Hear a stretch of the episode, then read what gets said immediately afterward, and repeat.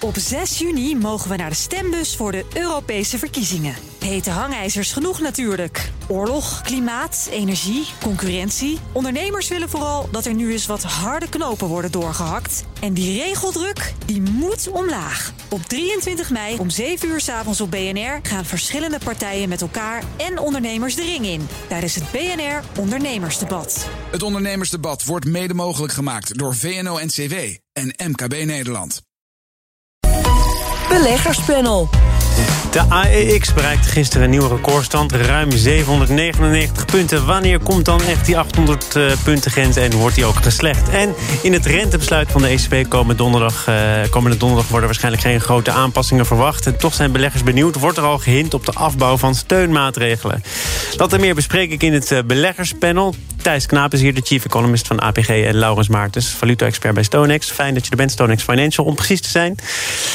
Om af te trappen, jullie laatste transactie, Laurens... heb jij nog iets uitgespookt? Nee, zoals ik vorige keer aangaf... ik vind nog steeds uh, dat die markt erg hoog staat. En hij is alleen maar hoger gegaan. Dus wederom blijf ik ja, aan de zijkant ja, staan, mijn blijft, excuus. Je blijft trouw aan je eigen uitgangspunten. Ja, trouw aan mijn eigen uitgangspunten. En nog steeds niet verleid... Want nee. ik gedacht, ja, nee. ja, ja, ja, ja. Nou, dan, dan moet het komen van iemand die bijna nooit teleurstelt. In dit opzicht, Thijs. Ja, van de APG, dus zij moeten ook wel. Want ze eh, het geld beleggen wat eh, ingelegd wordt in pensioenen. Ik heb je wel eens eerder verteld over smart cities. Waar, daar draait het eh, erom dat je domme objecten slim maakt. De, de straatlantaarn die gaat branden als er iemand loopt. De stoplichten die, die een beetje opletten wat er gebeurt. We hebben daar een fonds voor, wat over de hele wereld belegt in dat soort projecten. Tot nu toe vooral in de VS en in Italië. Ehm, en in de VS komt het dan vooral neer op het aanleggen van snel internet. Want dat is er niet altijd. de 200 50 miljoen die we in het fonds gestopt hebben, die raakte daardoor eh, eh, op een gegeven moment wel op. Eh, dus we gaan het fonds uitbreiden. Dat is de transactie. Er wordt nog een half miljard ingestoken om nog meer van dit soort slimme projecten op te pakken. voor ons is dat een vorm van infrastructuur. Nou, infrastructuur dat is een dodelijk saaie beleggingscategorie, waarbij je voor zeer lange tijd geld inlegt en dan komen er kleine bedragen steeds weer terug als je een soort tol heft op je, op je netwerk. Maar voor pensioenbeleggers is dat een op dit moment zeer populaire categorie. Want die infrastructuur die doet eigenlijk wat voorheen de obligaties deden. Je legt het geld erin en de coupon komt terug. En je hebt een soort van uh, belegging die heel goed past bij de verplichtingen die je hebt. Namelijk elk jaar een bepaald bedrag weer uitbetalen. Dus vandaar dat we daar ook weer verder in. En het zat er dus ook wel in dat, dat we ons een keertje de bodem bereikten. En dat er dan een uitbreiding volgt. Ja, dat je hebt waar. het over tol. het is ook niet voor het eerst dat jullie zouden investeren in een tolweg. Dus dat Nee. gebeurt hier op een andere manier. Nee, exact. Dus dat, Hetzelfde. ik, ik, je geeft het zelf aan. Ik stel nooit teleur, want er komt altijd weer zo'n uh, zo'n project voorbij bij ons uh, als ik hier weer eens ben. En, uh, en dat gaat nu ook door. dit is vooral leuk, denk ik, omdat het gebruik maakt van een aantal trends. Dus de beschikbaarheid van elektronische componenten die die smart cities mogelijk maken. En daarmee kun je alle, allerlei dingen doen die je voorheen niet kon. en dat maakt het zowel voor ons interessant als belegging als voor die steden die daarin meegaan. Laurens, om terug te gaan naar jouw beslissing om voorlopig eventjes niet te handelen. Dat heeft dan te maken met die hoge stand. En die hoge stand, nou, daar kunnen we het wel degelijk over hebben. Want de 800 punten grens wordt verwacht. Is in ieder geval al in zicht gekomen. Nu weer een kleine daling op de AEX. Uh, hoe kijk jij daarnaar? Ja, goed, zoals ik al aangaf vorige keer. Ik, uh, ik ben gewoon echt van mening dat uh, het allemaal vrij hoog staat. Uh, ik denk dat waarderingen heel erg hoog zijn. En ja, ik zie gewoon heel weinig echt organische groei. En ja, ik ben eigenlijk van mening dat men moet gaan beleggen in aandelen, juist omdat je organische groei ziet. En dat is echt datgene wat ik op dit moment mis. En uh, de laatste keer dat ik hier was, uh, sprak mijn collega erover van ja, weet je, uh, het is een, de centrale bank heeft een gratis put-optie onder op de markt gelegd. Ja, weet je, nogmaals, dat kan niet de reden zijn waarom je een aandeel koopt. En uh, daarom ben ik nog steeds van mening dat ik uh, er verstandig ga doen om nog even aan de zijkant te blijven staan. Toch uh, staan er ook wel mensen bijna te juichen. Hè? Die 800 punten grens, dat stelt toch wel wat voor, hoewel vooral symbolisch. Maar het zegt wel iets over economisch herstel, over hoe bedrijven ervoor staan. Thijs, er worden hier natuurlijk wel wat terechte kanttekeningen bij geplaatst. Ben jij wat optimistischer als je kijkt naar de stand op de borden? Er komt een aantal dingen bij elkaar op dit moment. Hè. De uh, beursgenoteerde bedrijven die doen het eigenlijk hartstikke goed. Veel beter dan iedereen gedacht had ook. Uh, en dat komt omdat ze beter om kunnen gaan met die, met die crisis die we gehad hebben. Ja, die centrale banken waar net al even over gepraat werd... die maken helemaal geen haast met het, met het verkrappen... Wat, wat slecht is voor de beurs. Dat, terwijl het inflatierisico toe lijkt te nemen. Dus je bent ook niet veilig af als je in vastrentende waarde zit. En dan ook nog een keer die toevloed van beleggers met geld. We hebben gezien dat er in Amerika, maar ook hier heel veel mensen zijn gekomen die ja, toch zien dat de spaarrekening niet veel meer oplevert. En dan uh, met hun geld naar de beurs komen. Nou, al die dingen bij elkaar die drijven de prijzen op. En wat ik op zich wel aardig vind, is dat die, vooral die, die flows waar je het dan over hebt, hè, dat, dat nieuwe geld wat, wat, naar de, wat naar de beurs gaat, dat kon nog wel eens belangrijker zijn dan gedacht. Er is in de beleggerswereld, uh, en dat gebeurt ook bijna nooit, heel veel aandacht voor een academisch paper. wat een aantal weken geleden door onder meer een Nederlander, Ralf Kooijen, geschreven is. Die laten zien dat je, zoals de markt nu werkt, en die werkt met heel veel instituten die eigenlijk niks anders kunnen dan dan aandelen kopen omdat ze ETF's beheren of omdat ze een mandaat hebben. Op die, dan, dan kan een toevloeiende euro, een euro die één iemand in een markt steekt, ertoe leiden dat de, de marktkapitalisatie toeneemt met 3 tot 8 euro. Dus dat, ja, dat is een, een bijzonder. moet ik de paper nog even lezen, maar ja, nee, dat, dat klinkt als een dus, tovertruc. nou, dat komt dus eigenlijk, en dat is een beetje hetzelfde verhaal als uh, wat we van een paar maanden geleden gezien hebben met de, de, de obligaties met negatieve rente. Zeiden mensen ook van hoe kan je nou een obligatie kopen met negatieve rente. Hè. Wie doet dat? En toen bleek dat er een heleboel organisaties waren die niet anders konden dan die uh, obligaties vasthouden, omdat ze het moesten door de regulering of omdat ze uh, allerlei andere, hè, omdat ze uh, stukken verkocht hadden waar die obligaties bij hoorden, zoals ETF's. Nou, iets, iets dergelijks. Dus ratio speelt geen rol. Het was gewoon een soort dat is dus, ik, zag, ik hoorde hier een, een, half uurtje geleden Mike Spijkers ook zeggen van is de economie niet losgekoppeld van de markt? En dat is misschien precies wat er speelt als die flows zo belangrijk zijn. Hè. Dus die prijs die wordt maar opgedreven door allerlei mensen en instituten die niet anders kunnen dan uh, het geld in de markt beleggen. Dat kan grote effecten hebben, laten deze academici zien. En dat drijft de markt op uh, door de toevloed van niet eens zo heel veel, uh, zo heel veel extra geld. Maar is dat dan gerechtvaardigd? Nou, gerechtvaardigd is, dan is de vraag dus: die bedrijven die, uh, die we met z'n allen kopen, gaan die dan die organische groei verzorgen die, ja. jij, uh, die jij niet ziet, of in ieder geval niet onvoldoende ziet? En uh, dan kijk ik als belegger. En, dus, en, dus ik ben er ook wel een beetje nerveus over, want die mismatch zie ik ook wel. Tegelijkertijd, als je kijkt naar het hele spectrum waar je in kan beleggen, obligaties, aandelen en andere dingen, dan denk ik naar verhouding is het nog niet zo gek. De obligaties die zijn, eh, die renderen, eh, we hebben een negatieve rente. En, uh, en daar raak je je geld zeker kwijt. De risicopremie die je op dit moment bij aandelen kan verwachten, die is nog helemaal niet zo raar. Alleen de waardering die erbij hoort, die is enorm. Goed, de achterliggende gedachte begrijp ik ook wel. Hè. Wat je al zelf aangeeft, er zijn weinig alternatieven. Alleen dat kan niet de reden zijn om volledig in te gaan beleggen. En wat jij net even zojuist aanstipt, daar zit natuurlijk ook een enorm gevaar aan. Want op het moment dat die markt naar beneden gaat, dan gaat die 1 euro ook. Ja, Drie keer, die gaat ook acht keer zijn werk doen. gaat het net zo hard weer naar beneden, dat is waar. Dus dat is, dat is, dat is een risico. Maar tegelijkertijd ja, hebben we niet allemaal de luxe om te kunnen wachten tot die markt uiteindelijk uh, eindelijk doet. Uh, de, de, het, uh, die geld in cash houden betekent ook, he, zie de rente op de spaarrekening, dat je gegarandeerd in moet leveren elk jaar. Maar Laurens, als we het hebben over de centrale banken die hier een belangrijke rol in vervullen, hè, die er eigenlijk ja. voor zorgen dat er niet echt een goed alternatief is. En de verwachting over het eh, toekomstige beleid, dan hebben we Jackson Hole gehad, waarin uh, Powell mondjesmaat iets zei over het eventueel verkrappen van het opkoopprogramma, zonder daar een uh, echte timing aan te koppelen.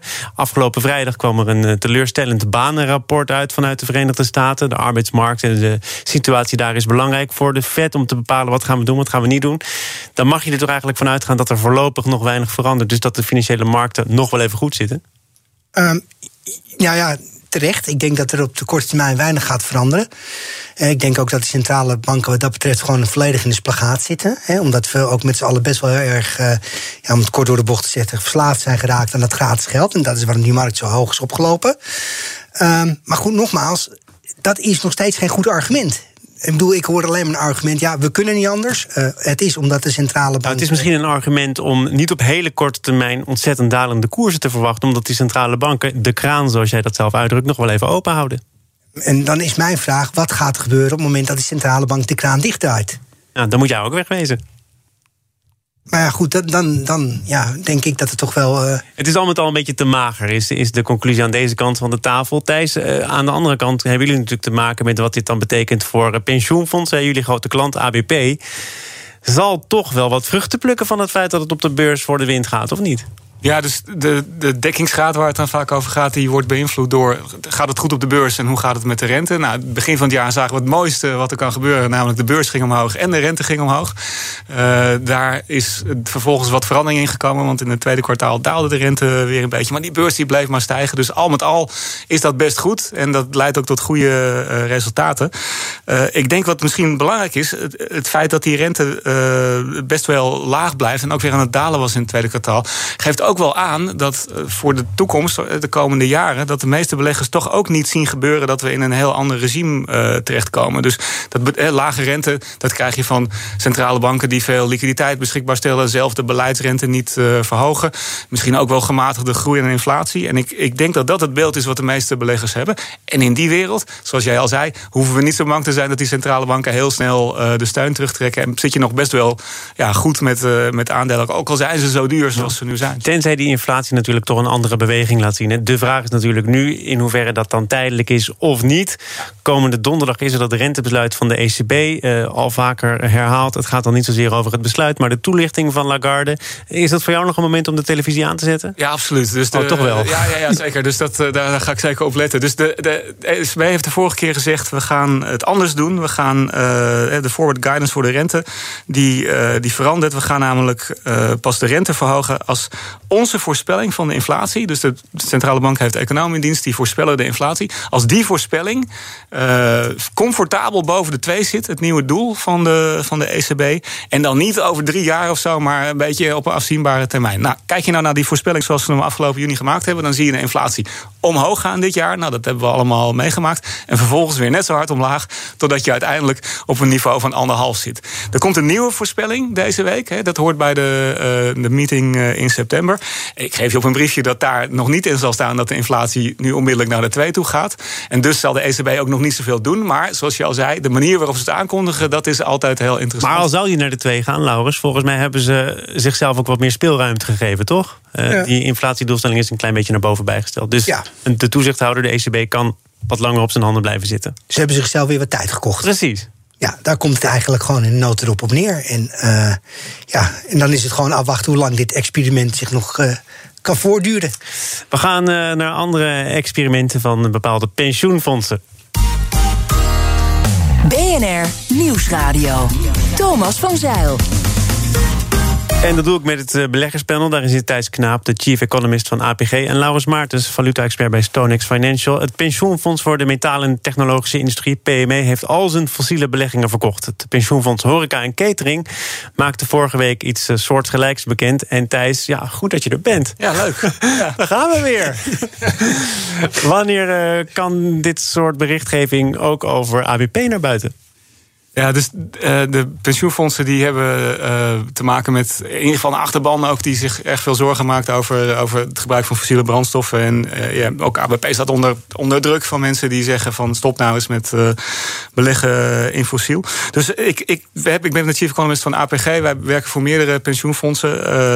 De, klant van ons ABP heeft al aangekondigd dat ze bezig zijn met het opnieuw bekijken van het duurzaam en verantwoord beleggenbeleid. Dat is al He, daar zijn ze al heel lang mee bezig. En uh, begin volgend jaar wordt het, wordt het nieuwe beleid bekendgemaakt. Uh, daar, dat is echt een, ja, een, een, een zware kluif. Hoe, hoe kan je nou het beste. het gaat over het tempo, het gaat over de termijn. Hè? Ik exact. geloof, als ik het goed heb en als ik het niet goed heb, dan ben jij daar gelukkig om mee te corrigeren. Dat er nog ongeveer 15 miljard euro belegd is in fossiel. Komt neer op zo'n 3% van het totale vermogen. En dan ligt nu op tafel in welk tempo wordt dat minder? Of is de vraag nog, wordt dat überhaupt minder? Nou, de vraag is inderdaad, uh, en, en daar, daar, moet het om gaan, wat, wat is nou het beste duurzame uh, en verantwoorde beleggingsbeleid? Dus je hebt het, doel uh, van beleggen is A, geld verdienen. En B, ja, de, niet, niet-financiële doelen halen, namelijk in dit geval met name hoe kunnen we ervoor zorgen dat de klimaatverandering zoveel mogelijk voorkomen wordt, dat we een goede energietransitie krijgen. Nou, het probleem van de klimaatverandering, dat ontkent, ontkent niemand bij ons, dat, dat, zien we heel groot. En ik denk dat de meningen met name verschillen op op het vlak van ja, hoe kan je nou het meest effectief uh, daar iets aan doen? Moet je dan zeggen van we investeren er ergens meer in uh, bij, uh, bij fossiele bedrijven, we gaan, we gaan weg en we ja, doen dat iets zegt anders? Nu, dat zegt nu PME. Hè. Die hebben Ja. gezegd, wij hebben heel lang ingezet op dat engagement, met elkaar om de tafel zitten, heeft ons te weinig gebracht. We zien eh, niet die tempoversnelling die we voor ogen, voor ogen hadden, dus gaan wij het nu radicaal over een andere boeg gooien. Ja, dat is waar, want ze hebben hun eh, fossiele belangstelling, of, eh, fossiele beleggingen eh, verkocht en, en er iets anders voor teruggekocht. En iets anders, dat wil zeggen, niet zomaar iets anders. Ze hebben dat wat ze aan fossiel eh, uitgaven, belegd hadden, nu linea recta doorgespeeld naar groene beleggingen. Om niet te komen in de discussie wat dan precies een groene belegging is. Maar, maar Ja. goed, dat is dus hun keuze geweest. Ja, dat is een keuze geweest. En met name ook omdat ze eh, ja, toch weinig brood zagen in dat, in dat engagement eh, met bedrijven. Het gevolg is nu dat eh, de, bij de volgende aandeelhoudersvergadering van, eh, van een oliebedrijf zegt Shell, ja, PME niet meer aan tafel zit. En wie zit er dan wel? Nou ja, een andere partij aan wie ze het gekocht hebben. Ik heb hier ook wel eens gezegd, de Nederlandse pensioenfondsen zijn waarschijnlijk een van de, de meest kritische aandeelhouders. Dus het, het directe gevolg hiervan is dat een kritische aandeelhouder van oliemaatschappijen is, eh, is verdwenen. Of Laurens, komt er een moment dat die eh, pensioenfondsen eh, hun belang in fossiel hebben afgebouwd en dat er geen echte goede alternatieve koper is? Dus dat die industrie wel degelijk gaat voelen dat er afnemende belangstelling is. Nou ja, goed, dat heeft natuurlijk alles te maken met uiteindelijk rendement wat het bedrijf eh, weet te bewerkstelligen. En, en natuurlijk een hele interessante vraag in deze zin. Dat is natuurlijk wat Thijs ook al e- aangaf. Uiteindelijk moet het pensioenfonds geld verdienen. En op het moment dat er geen geld verdiend gaat worden, dan zal je zien dat het sentiment wellicht toch ook weer enigszins gaat draaien. En, ehm, Maar dan ja, ga je ervan uit dat er eh, zonder dat je in fossiel zit minder geld te verdienen valt. Nou ja, daar heb ik te weinig kennis over om daar te over oor te oordelen. Dat weet Thijs wellicht beter. Maar je keuzes die zullen gewoon enigszins beperkt zijn. Eh, Ik bedoel, we kunnen met z'n allen toch wel concluderen dat eh, de grote fossiele brandstofbedrijven wereldwijd. Tot het, eh, in het verleden toch een belangrijk eh, ja, eh, Maar goed, je, in de het- index. je spreekt wel terecht over het verleden. Als je nu kijkt naar wat er op dit moment populair is op de beurs... en als je kijkt waar de records worden verbroken... dan is dat in die andere categorie, in de categorie groen, in de categorie duurzaam. Ja, maar dat, dat klopt. En dat, dat zal ik ook helemaal niet ontkennen. En ik denk ook dat het een hele verstandige switch is. En ik sta er ook volledig achter. Alleen je kan je ook soms een beetje afvragen of niet alles een beetje voor de bühne is. En hoe groen is groen? Ja. En wat je net al zelf even terecht opmerkte. Nou, dat merk ik op omdat eh, we iedere week in dit beleggerspanel... en terecht, want het is een belangrijk thema... kunnen praten over wie wanneer een stempeltje verdient... en het over taxonomie kunnen hebben en over eh, Europese verordeningen. Thijs, maar is het nu een risico om alles te zetten op die groene beleggingen? Of is het risico eigenlijk groter om te blijven zitten in een industrie... eh, die iets meer gekoppeld is aan het verleden, hè? de stranded assets? Ja, nee, dat is, een, eh, dat is een goede vraag. Ik heb daar het, uiteraard het antwoord niet op, hè, want dit zijn typisch vragen voor beleggers eh, waarbij er meerdere verhalen mogelijk zijn. Wij zijn natuurlijk altijd bezig om te kijken naar welke risico's lopen we bij het beleggen in bedrijven. Is dit een duurzaam model? En dan helemaal nog afgezien van de klimaatproblematiek, als wij tot de conclusie komen: dit is een, een slechte financiële belegging, dan is dat een hele goede reden om er, om er niet mee door te gaan. Ehm, dus die afweging maken we altijd en dat heeft, dat heeft niet zoveel te maken met, met wat je verder denkt dat die bedrijven verder zouden moeten doen of niet. Eh, daarnaast is het zo dat we ehm, ja, sommige dingen beleggen we überhaupt niet in, ondanks dat het hele goede beleggingen zouden kunnen zijn. Eh, tabak, eh, kernwapens, omdat een groot gedeelte van de achterban van de deelnemers zegt van ja, dat willen we gewoon überhaupt niet hebben. En ik denk dat een vraag die bij veel fondsen speelt nu, van ja, is dit is fossiel nu ook een categorie gewo- geworden waarvan een groot gedeelte van de achterban zegt van hier willen we niks meer mee te mag maken hebben, ondanks wat- dat het misschien rendement eh, Maar, maar waar trek je dan op een gegeven moment eh, de streep? Hè? Want ik bedoel, Ja. elk bedrijf wat produceert, maakt daarnaast weer gebruik van fossiele brandstoffen.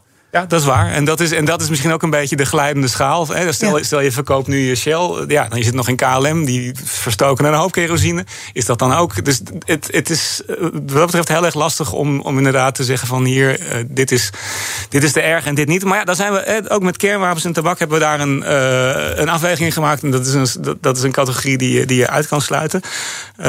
Ik weet dat onze fondsen jaarlijks onderzoek doen naar wat er leeft onder deelnemers. En de- niet alleen de mensen die voor de deur staan te demonstreren, maar alle miljoenen mensen die in het pensioenfonds zitten. Hè. Wat, wat vinden jullie acceptabel? Maar dat hoort Wat- ook bij de pensioenwet volgens mij. Absoluut, je ja. moet handelen in de geest In de van je deelnemers. Ja.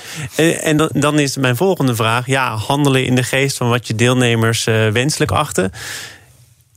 Dat is ook arbitrair natuurlijk. Nou ja, maar daar kan je op zich. Uh, daar, kan, zijn methodes voor om daar in ieder geval uh, inzicht in te krijgen. En uh, wat ik zei, dat gebeurt jaarlijks. Er, wordt een enquête uitgestuurd. En vervolgens kijken we. Ja, wat, wat is nou. waar kan je nou duidelijk van zeggen dat dit willen mensen wel en dit willen mensen niet. En, en dat is voor ons. Ik, werk bij de uitvoerder ook op een gegeven. iets waar, waar, waarmee onze fondsen moeten dealen. En ja, zoals ik zei, voor ABP is dat moment voor, voor het verandering van het beleid aangekondigd voor begin volgend jaar. We wachten het af en tot die tijd zullen we elkaar misschien helaas daar ook nog wel een keertje over spreken, oh, Thijs. Jongeren, daar uh, sluiten we mee af. Die eh, zijn massaal aan het beleggen, terwijl ze daar niet de buffers voor hebben, blijkt uit onderzoek van SNS. 1 op de 5 jongeren tussen de 18 en de 35 belegt. En dat geldt dus ook voor mensen zonder geld op de spaarrekening. Um, is dat, zoals uh, eh, SNS concludeert, Laurens, zorgelijk of niet? Um, ja, ja, ik denk dat dat natuurlijk enigszins zorgelijk is, omdat ik ook omdat ik denk dat deze groep mensen uh, niet zozeer belegt omdat zij uh, een bepaald doel voor ogen hebben of omdat ze een bepaalde visie hebben. Maar zij beleggen, om het heel kort door de bocht te zeggen, om, uh, als, zien het als een alternatief voor het casino. Dat is misschien wel heel kort door de bocht. Het is voor een beetje rood-zwart. Ja, open een rekening bij Bux en koop een CFD. Ik denk dat de gemiddelde belegger niet eens weet wat een CFD is. En men koopt omdat men denkt dat iets omhoog gaat en men verkoopt iets omdat men denkt dat het naar beneden gaat. Maar de achterliggende rationaliteit en de, fundament, en de fundamenten, die, die, die, die kent men niet. Dus ja, met dat, eh, met dat in het achterhoofd vind ik dit wel vrij zorgelijk. Ik kwam een onderzoek tegen van uh, Kantar, die doen marktonderzoek. Uh, hun conclusie was eerder dit jaar dat de particuliere belegger, de particuliere belegger, niet per se jongeren, wel professioneler is geworden. Dat er kennelijk iets langer wordt nagedacht voordat je ergens instapt. Maar Jij ziet eigenlijk het tegenovergestelde gebeuren. Door misschien wel apps die het wel tamelijk eenvoudig maken om te gaan beleggen. Nou ja, dat hebben we natuurlijk allemaal gezien uh, over de afgelopen jaren in Amerika met uh, Robinhood en met GameStop, wat natuurlijk uh, omhoog ging omdat een aantal mensen riepen: we gaan het omhoog kopen. En daar zat totaal geen enige achterliggende gedachte aan. Het is ook weer hard naar beneden gekomen. Dus ja, Ongetwijfeld zullen mensen meer nadenken over hun beleggingen. Daar hebben we ook de middelen voor gekregen. Uh, dus uh, elke website vertelt wat over het financiële nieuws. Dus ja, weet je, daar kan ik weinig mee met die informatie. Denk je dat veel jongeren uiteindelijk ook actief zullen blijven? Of is dit van voorbijgaande aard een hobby omdat die spaarrekening niks meer oplevert? Ze hebben misschien wel of misschien niet iets om te beleggen, dus ze doen het nu. Of denk je dat het wat langer druk blijft op de financiële markt met al die particuliere beleggers die hun kans wagen? Ervaring uit het verleden is dat mensen die hier aan beginnen vaak toch doorgaan. Dus we hebben vaker zo'n golf van nieuwe beleggers gehad. Eind jaren 90 was typisch zo'n moment. Dat liep ook niet heel goed af uh, met de internetbubbel. Maar veel van die mensen, als je dan tien jaar later kijkt van zijn ze nog actieve beleggers, zijn wel gebleven. En daarom ben ik ook niet helemaal tegen dat, die, dat jongeren beleggen. Ik denk dat dat op zich een, een hele goede ervaring is. Hè, iets als je jong bent. maar wat SNS zegt van ja, mensen doen dat en dan hebben ze eigenlijk geen cashbuffer meer op de spaarrekening staan. Uh, pensioenen hebben ook geen cashbuffer, maar dat is niet erg, omdat wij weten dat we het geld pas nodig hebben over 30 jaar. En het probleem, denk ik, waar deze mensen, uh, zeg ik generaliserend, zich misschien niet genoeg over uh, zorgen maken, is dat um, slecht nieuws vaak gecorreleerd is. Hè? Dus het moment dat je geld nodig hebt, is ook vaak het moment dat je uh, de baan kwijtraakt en dat de beurs instort. en daarom is het wel verstandig als particulier om een beetje aan herbalanceren en aan verstandig beleggingsbeleid te doen. Um, dat is heel lastig en moeilijk. Maar eh, wat dat betreft, ja, dat moet je toch altijd uh, erbij blijven vertellen als het gaat om jonge mensen op het beleggingspodium. Goed dat we dit panel hebben kunnen afsluiten met een disclaimer. Dank daarvoor, Thijs Knaap, de chief economist van APG... en Laurens Maartens van Stonex Financial. Fijn dat je er was. Tot de volgende keer. Kijken of je dan het wel hebt aangedurfd om ergens in te stappen of niet. Zometeen dan uh, praat ik met de directeur van de Jamin... die na anderhalve eeuw in Nederland denken dat het toch wel tijd is voor een stap naar het buitenland... en het in Duitsland gaan op 6 juni mogen we naar de stembus voor de Europese verkiezingen. Hete hangijzers genoeg natuurlijk. Oorlog, klimaat, energie, concurrentie. Ondernemers willen vooral dat er nu eens wat harde knopen worden doorgehakt. En die regeldruk, die moet omlaag. Op 23 mei om 7 uur s avonds op BNR gaan verschillende partijen met elkaar en ondernemers de ring in. Tijdens het BNR Ondernemersdebat. Het Ondernemersdebat wordt mede mogelijk gemaakt door VNO-NCW en MKB Nederland.